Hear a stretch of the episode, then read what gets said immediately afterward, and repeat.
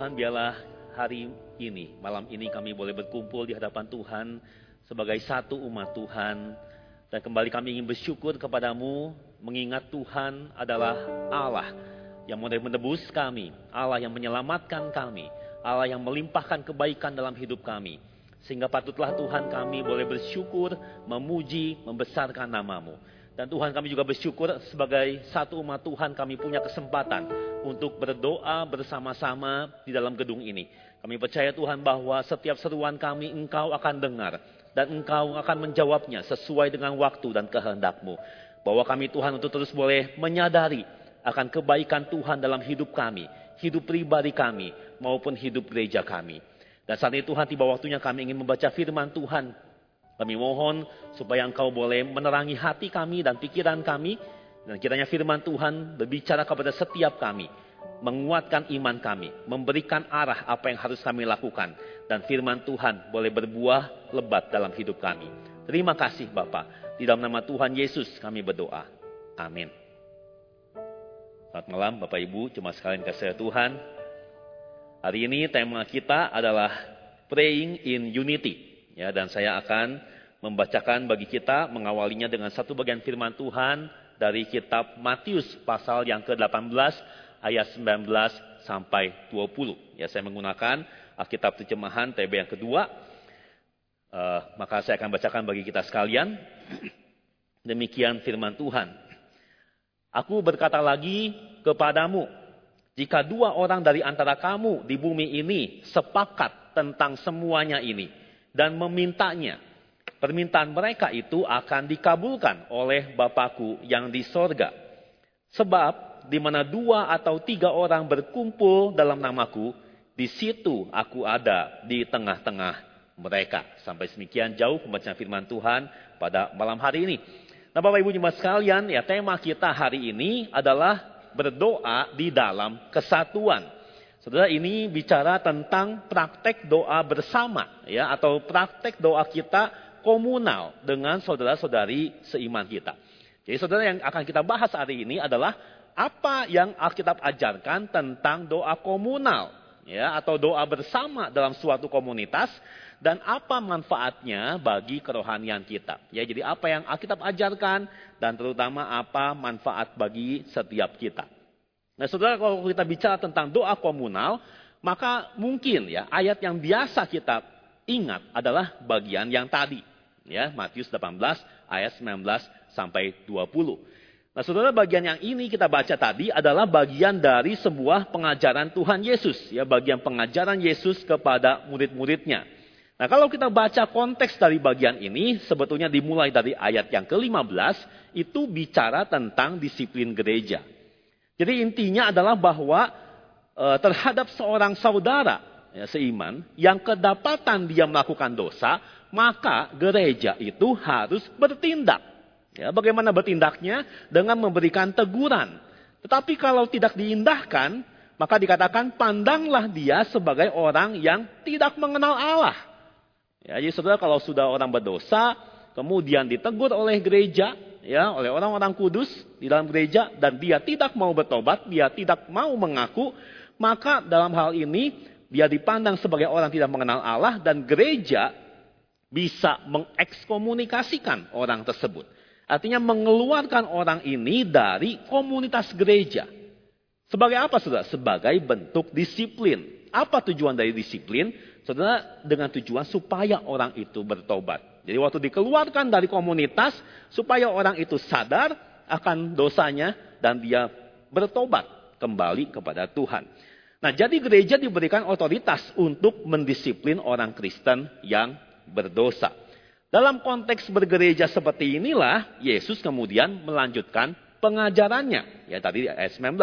Jika dua orang dari antara kamu di bumi ini sepakat tentang semuanya itu dan memintanya, permintaan mereka itu akan dikabulkan oleh Bapakku yang di sorga. Nah, saudara permintaan seperti apa? Ya di dalam konteks disiplin gereja, maka kemungkinan ya permintaan itu bisa berupa permohonan supaya orang yang diekskomunikasi itu kemudian menyadari dosanya dan kemudian bertobat kembali kepada Tuhan. Saudara ini permintaan yang mungkin dimaksudkan oleh Yesus. Tetapi sebagian penafsir percaya bahwa kata permintaan di ayat ini tidak terbatas hanya pada konteks disiplin dan pertobatan. Tetapi kata permintaan ini bisa lebih luas dari itu, ya, bisa menjadi sebuah pengajaran tentang doa bersama. Ya, jadi so, kalau kita baca di sini frasa sepakat tentang semuanya itu bisa diterjemahkan juga sebetulnya di Alkitab e, terjemahan pertama ya. Sepakat meminta apa pun juga. Ya, dan ayat ini sering kali dijadikan dasar janji Tuhan untuk doa orang Kristen secara komunal. Sekarang mari kita akan mempelajari ya prinsip-prinsip apa yang bisa kita coba tarik tentang doa komunal di dalam ayat-ayat ini. Walaupun nanti kita akan lihat juga dengan ayat-ayat yang lainnya ya.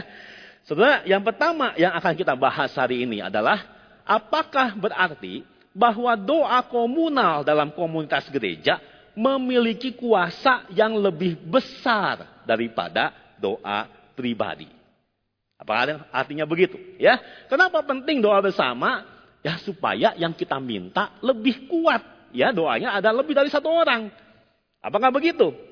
Dikatakan kalau sepakat meminta sesuatu atau apa pun juga, permintaan mereka akan dikabulkan. Jadi apakah logikanya kalau doa satu orang itu kurang manjur? Ya, sehingga harus tambah satu orang lain lagi. Baru doanya itu manjur. Ya, apakah seperti demikian? Nah, kalau memang benar seperti begitu, bagaimana penerapannya? Coba kita pikir sedikit ya. Misalkan saudara, eh, pertandingan final Piala Dunia yang sudah lewat, ya, itu final Piala Dunia saudara sepak bola tahu ya antara siapa? Argentina melawan Prancis. Ya, misalkan umpamanya omong kosong ya. Di malam sebelum final itu orang-orang Kristen di Argentina berdoa supaya timnya menang. Nah, lalu saudara di Perancis juga ada orang-orang Kristen yang gila bola, supporter bola ya, mereka berkumpul meminta supaya timnya menang. Nah, saudara kalau jadi Tuhan kira-kira tim mana yang dikasih menang? Tergantung saudara supporter siapa, Argentina atau Prancis begitu. Nah, saudara, apakah kita bisa mengatakan bahwa ini bergantung kepada berapa banyak yang berdoa? Saudara, ini sekali lagi e, kemungkinan, ya apa maksudnya itu berhayal ya. Apakah bergantung kepada berapa banyak yang berdoa? Kalau demikian sudah pasti ada yang merasa doanya tidak dikabulkan, betul nggak? Kalau sama-sama orang Kristen di Argentina dan Prancis berdoa, pasti ada yang merasa tidak dikabulkan. Dalam hal ini kan Prancis kalah. Ah, bolehkah orang-orang Kristen itu ya eh, komplain kepada Tuhan bahwa firman Tuhan ini tidak benar? Padahal kita udah sepakat loh permintaannya ya supaya Prancis menang. Ya, apakah lalu kemudian ya imajinatif ya Tuhan berkata, iya betul, Prancis ada orang Kristen berdoa seribu orang. Tapi orang Kristen di Argentina seribu satu. Waduh, nyesek ya. Tahu gitu saya ajak keluarga saya berdoa begitu ya. Sudah apakah begitu? Ya pasti saya rasa bukan itu artinya. Dikabulkan tidaknya suatu doa tidak bergantung kepada berapa banyak orang yang mendoakan. Nah salah satu prinsip doa itu apa? Kalau suatu permintaan doa tidak sesuai dengan kehendak Tuhan, tentu itu tidak akan dikabulkan. Misalkan dalam Yakobus 4 ayat 3. Atau kamu berdoa juga, tetapi kamu tidak menerima apa-apa. Karena kamu salah berdoa. Sebab yang kamu minta itu hendak kamu habiskan untuk memuaskan hawa nafsumu. Kalau isi doa kita semata-mata hanya untuk memuaskan hawa nafsu manusia, walaupun permintaan itu didoakan oleh satu gereja, bahkan oleh satu kota atau bahkan satu negara tetap tidak akan dikabulkan. Nah sebaliknya saudara, doa orang Kristen itu meskipun itu hanya satu orang, kalau sesuai dengan kehendak Tuhan, doanya itu berkuasa dan akan dikabulkan. Yakobus 5 ayat 16 mengatakan ya, doa orang benar itu kalau yakin didoakan kuasanya itu besar. Lalu kasih contoh Elia. Berdoa minta supaya Tuhan tidak menurunkan hujan. dan tidak turun hujan. Lalu Elia berdoa menurunkan hujan dan Tuhan mengabulkannya. Lalu saudara Matius 6 ayat 6 mengatakan demikian. Namun jika engkau berdoa, masuklah ke dalam kamarmu, tutuplah pintu, berdoalah kepada Bapamu yang ada di tempat tersembunyi. Maka Bapamu yang melihat yang tersembunyi akan membalasnya kepadamu. So, jelas ini adalah doa pribadi. Konteksnya adalah larangan untuk kita berdoa seperti orang munafik. Ya, berdoa demi dilihat oleh orang lain. Nah, kalimat Bapamu ya yang melihat yang tersembunyi akan membalasnya kepadamu. Membalas ini saya percaya termasuk di dalamnya adalah mengabulkan doa kita sendirian di sini. Ya, demikian juga Matius 7 ayat 7 sampai 11. Saya bacakan beberapa ayat. Mintalah, maka akan diberikan kepadamu. Carilah, maka kamu akan mendapat. Ketuklah, maka pintu akan dibukakan bagimu. Ayat 9, adakah seorang dari antara kamu yang memberi batu kepada anaknya jika ia meminta roti? Atau memberi ular jika ia meminta ikan? Ayat 11, jika kamu yang jahat tahu memberi pemberian yang baik kepada anak-anakmu, apalagi Bapamu yang di sorga. Dia akan memberikan yang baik kepada mereka yang meminta kepadanya. So, ini sebuah janji yang indah yang biasanya kita suka ya. Mintalah, maka Tuhan akan memberikan. Kenapa? Karena kita anak-anak Tuhan. Masa Bapak di sorga tidak tahu apa yang baik untuk anak-anaknya? Nah, saudara sampai sini maka muncul muncul sebuah pertanyaan yang mungkin ada dalam benak kita ya. Kalau memang berdoa secara pribadi di rumah itu didengar oleh Tuhan, lalu apa gunanya berdoa bersama di gereja? Betul tidak ya? Apa gunanya doa komunal di sebuah tempat bersama dengan saudara-saudara seiman? Doa pribadi aja sudah cukup. Nah, maka saudara Jawaban yang bisa saya pikirkan adalah begini ya. Bahwa doa bersama adalah suatu praktek yang dikehendaki oleh Tuhan untuk menjadi sebuah sarana dia menyatakan anugerahnya. ini sering kali disebut sebagai means of grace. Jadi Tuhan menghendaki demikian. Doa bersama itu salah satu means of grace Tuhan menyatakan anugerahnya. Jadi Tuhan bisa mengabulkan doa pribadi masing-masing kita. Tapi Tuhan juga senang kita berdoa bersama sebagai satu umat. Dengan satu hati memanjatkan permohonan kepada dia. Saudara, berapa jumlah minimal kita bisa berdoa bersama? Berapa minimalnya? Kalau dikatakan di sini, dua saja sudah cukup. Jika dua orang dari antara kamu di bumi ini sepakat tentang semuanya itu dan memintanya, permintaan mereka itu akan dikabulkan. Jadi Tuhan tidak pernah terobsesi dengan jumlah, dengan masa. Yang dia inginkan adalah kesungguhan hati. Sebab di mana dua atau tiga orang berkumpul dalam namaku, di situ aku ada di tengah-tengah mereka. Seakan-akan Tuhan ingin berkata, walaupun cuma dua atau tiga orang, yang penting mereka berdoa dalam iman. Hati mereka tertuju kepada Kristus. Bukan mengandalkan kefasihan lidah atau kata-kata yang indah. Maka di situ aku ada di tengah-tengah mereka. Jadi sudah tidak seharusnya kita membandingkan antara doa pribadi dengan doa bersama. Mana yang lebih baik, lebih efektif, lebih manjur, atau lebih mujarab. Kedua-duanya adalah sarana anugerah di mana melaluinya Tuhan menyatakan kuasanya. Ya, Tuhan ingin kita melakukan kedua cara berdoa ini. Jadi sekali lagi kenapa kita harus berdoa dalam komunitas? Kalau doa pribadi juga bisa dikabulkan, simple. Karena Tuhan menghendakinya demikian. Nah, salah satu contoh dalam Alkitab bagaimana Tuhan mengabulkan permohonan doa komunal itu ada dalam kisah para rasul 4 ayat 23 sampai 31. ya saya akan singkat saja, sudah nggak usah baca. Ya dikisahkan bagaimana Petrus dan Yohanes baru saja dilepaskan dari penjara karena mereka memberitakan Injil sesudah menyembuhkan seorang laki-laki yang lumpuh. Lalu para imam kepala, tua-tua melarang keras mereka untuk memberitakan tentang Yesus. Tapi mereka takut kepada orang banyak ya yang menjadi saksi mujizat kesembuhan. Mereka membela Petrus dan Yohanes. Akhirnya kedua rasul ini dilepaskan.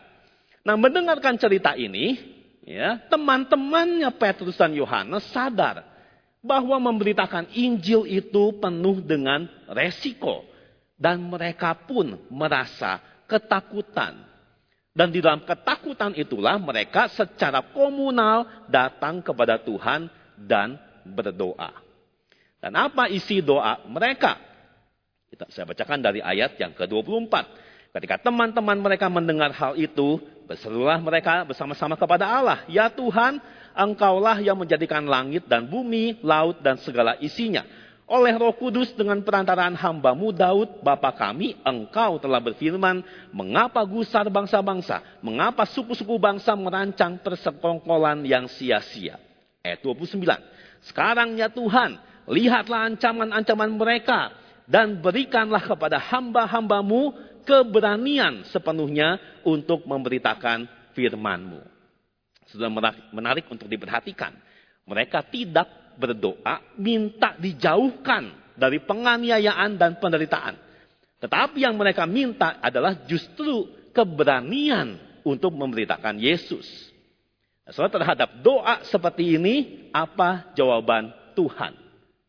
Tuhan mengabulkan doa mereka. Ayat 31.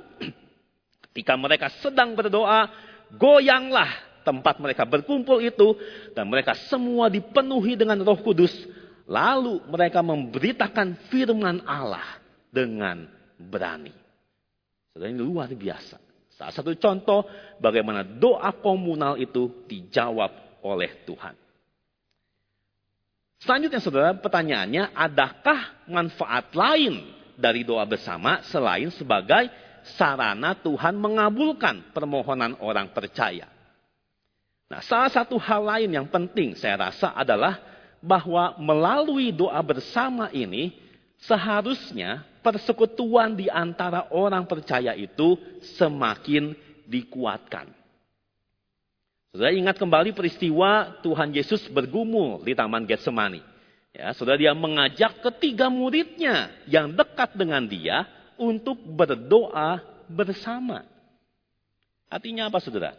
Yesus membutuhkan support dari orang-orang terdekat. Dan doa adalah salah satu bentuk dukungan yang bisa menguatkan.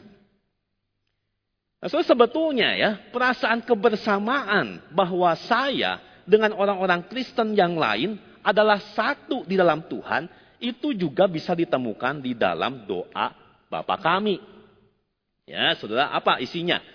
Bapa kami yang di sorga. Jadi saudara bukan hanya Bapakku, Betul, tapi yang diajarkan Yesus Bapa kami. Berikanlah kami pada hari ini makanan kami yang secukupnya. Jadi ini berdoa untuk saudara seiman yang dalam kekurangan. Bukan cuma aku. Berikan kami. Dan ampunilah kesalahan kami. Sebab, sebab, sebab sering kita tahu saudara-saudara seiman jatuh dalam dosa. Dan kita mendoakan mereka. Janganlah membawa kami ke dalam pencobaan, tetapi lepaskanlah kami dari yang jahat dan sebagainya. Jadi penyebutan Allah sebagai Bapa berarti kami ini adalah keluarga Allah. Saudara-saudari seiman di dalam Kristus. Maka saudara waktu berdoa bersama penting menyadari kehadiran saudara seiman di hadapan Tuhan. So, saya percaya bahwa di zaman sekarang ini, ya kesadaran bahwa kita hadir bersama dengan komunitas umat Allah itu perlu dibangkitkan atau ditekankan ulang. So, bersyukur ya ada kelompok kecil, tetapi seharusnya lebih merambah ke berbagai aspek. Misalkan contoh ya, saudara dalam ibadah. Saudara sekarang ini ibadah-ibadah kontemporer itu lebih menekankan individu atau aspek pribadi. Ya, saudara, kenapa misalnya musik itu dibikin kenceng suaranya? Kenapa misalnya lampu itu digelapin? Kenapa saudara? Supaya suara orang lain itu tidak mengganggu waktu saya ingin berdoa kepada Tuhan. Mata kita itu tidak melihat orang-orang lain yang jalan-jalan sana sini, gitu ya. Supaya kita lebih menghayati kehadiran Tuhan. Saudara, ini tujuan yang baik. Tapi kita harus hati-hati kalau penekanan yang berlebihan kepada aspek pribadi itu justru bisa mengikis aspek persekutuan kesadaran kita akan saudara seiman yang hadir bersama-sama dengan kita. Dalam sebuah buku yang ditulis oleh Mavadon, saya lupa judul bukunya ya, tapi saya ingat dia menekankan bahwa waktu kita beribadah itu penting kita itu mendengarkan suara orang lain. Waktu kita belajar mendengar suara orang-orang lain yang memuji Tuhan, kita lebih menyadari bahwa kita bersama-sama, bukan cuma saya sendiri, untuk memuji Tuhan. Walaupun saudara seiman kita fales, nggak apa-apa. Saudara, itu saudara seiman kita bersama-sama memuji Tuhan. Saudara masakan kita ya kalau misalnya karaoke keluarga gitu ya, lalu anak saudara fales, saudara akan bilang, kamu jangan nyanyi ya. Kamu keluar dari ruangan, fales. Biar papa mama sama ini deh yang nyanyi yang suaranya bagus-bagus. Enggak dong saudara. Kan kita keluarga. Waktu kita bisa menyadari hal itu. Saudara-saudara seiman kita bernyanyi bersama memuji Tuhan. Itu seharusnya menjadi momen yang menguatkan iman. Waktu kita mengikrarkan pengakuan iman rasuli. Saudara tahukah itu dirumuskan tahun berapa? Kemungkinan besar sejak abad yang keempat. Jadi waktu mengikrarkan coba kita bayangkan bahwa saudara-saudara seiman kita sejak abad keempat di seluruh dunia sampai sekarang mengikrarkan pengakuan iman yang sama.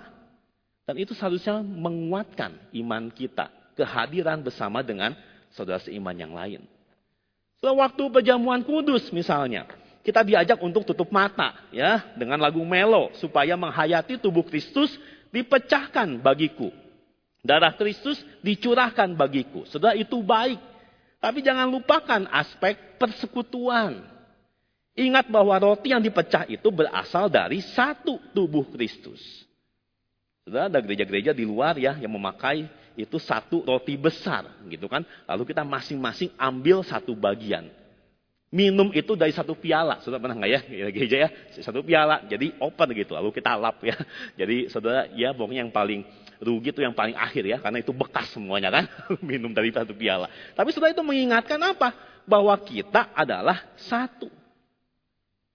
Demikian juga dengan doa.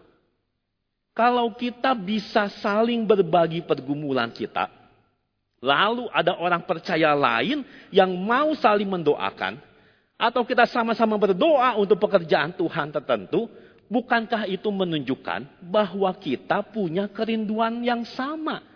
Dan hal itu seharusnya menjadi sesuatu yang indah. Maka untuk sampai kepada kerinduan yang sama, penting untuk kita bisa mendapatkan beban doa. Sampai kita tergerak dan sepakat untuk mendoakannya. Kalau sampai tidak sepakat dengan apa yang kita rindukan, dengan sendirinya kita akan merasa asing. Atau ya kita ikut berdoa, tapi sebetulnya kata-kata yang keluar itu kosong, ya asal ngomong aja. Maka ini saudara, kalau persekutuan semakin erat, kasih antara jemaat itu semakin dirasakan. Dan yang dihasilkan adalah kesatuan. So, contoh sederhana, misalnya pasangan suami istri, ya bayangkan, saudara, kalau kita mau berdoa sama sama suami istri, tapi keinginannya berbeda, suami istri tidak bisa sepakat untuk apa yang didoakan, kita pasti tidak bisa merasa satu, bukan? Sebaliknya, saudara, kalau kita suami istri punya kerinduan yang sama, lalu kita berdoa untuk tujuan yang sama, bukankah kita itu semakin merasa dekat dan bersatu? Demikian juga dengan kesatuan sebagai umat Allah. Dan bukankah kesatuan ini yang didoakan oleh Tuhan Yesus? Bukan untuk mereka ini saja aku berdoa, tapi juga untuk orang-orang percaya kepadaku melalui pemberitaan mereka. Supaya mereka semua menjadi satu. Sama seperti engkau ya Bapa di dalam aku dan aku di dalam engkau, agar mereka juga di dalam kita. Supaya dunia percaya bahwa engkaulah yang telah mengutus aku. Setelah hal ini seharusnya menyadarkan kita akan hal yang terpenting dalam doa. Yaitu apa? Relasi.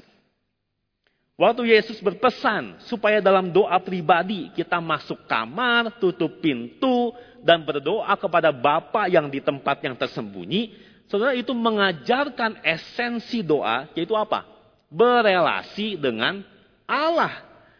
Jadi saudara yang terpenting dalam doa itu bukanlah pengabulan doa. Kalau yang paling penting pengabulan doa, fokus kita itu akan terpaku kepada cara apa yang paling pas untuk menggerakkan Tuhan. Metode apa yang membuat Tuhan bisa mengabulkan doa kita? Bukan itu intinya. Esensi doa bukan pada pengabulan doa, melainkan menikmati relasi dengan Tuhan. Nah, dalam doa komunal atau doa bersama, apa esensinya? Menguatkan relasi dengan saudara seiman ya dan dengan Tuhan sehingga umat Tuhan itu menjadi satu. Maka sudah penting sekali ya waktu-waktu untuk kita bisa berdoa bersama. Setiap kali kita uh, berdoa, sudah itu harus berhati-hati akan jebakan tampil baik ya, terutama untuk para pemimpin doa keinginan untuk mengeluarkan kata-kata indah, memberikan impresi dekat dengan Tuhan, akhirnya jatuh menjadi orang munafik. Mari saudara kita berdoa dengan lebih sungguh. Adalah penting untuk mendapatkan beban dari sebuah pokok doa, sehingga kita bisa bersatu hati dan dengan satu suara sepakat memanjatkan permohonan yang sama kepada Tuhan. Dan biarlah lewat doa bersama ini, persekutuan kita semakin erat dan kita semakin menggenapi kehendak Tuhan Yesus agar kita bersatu di dalam Dia. Mari kita berdoa.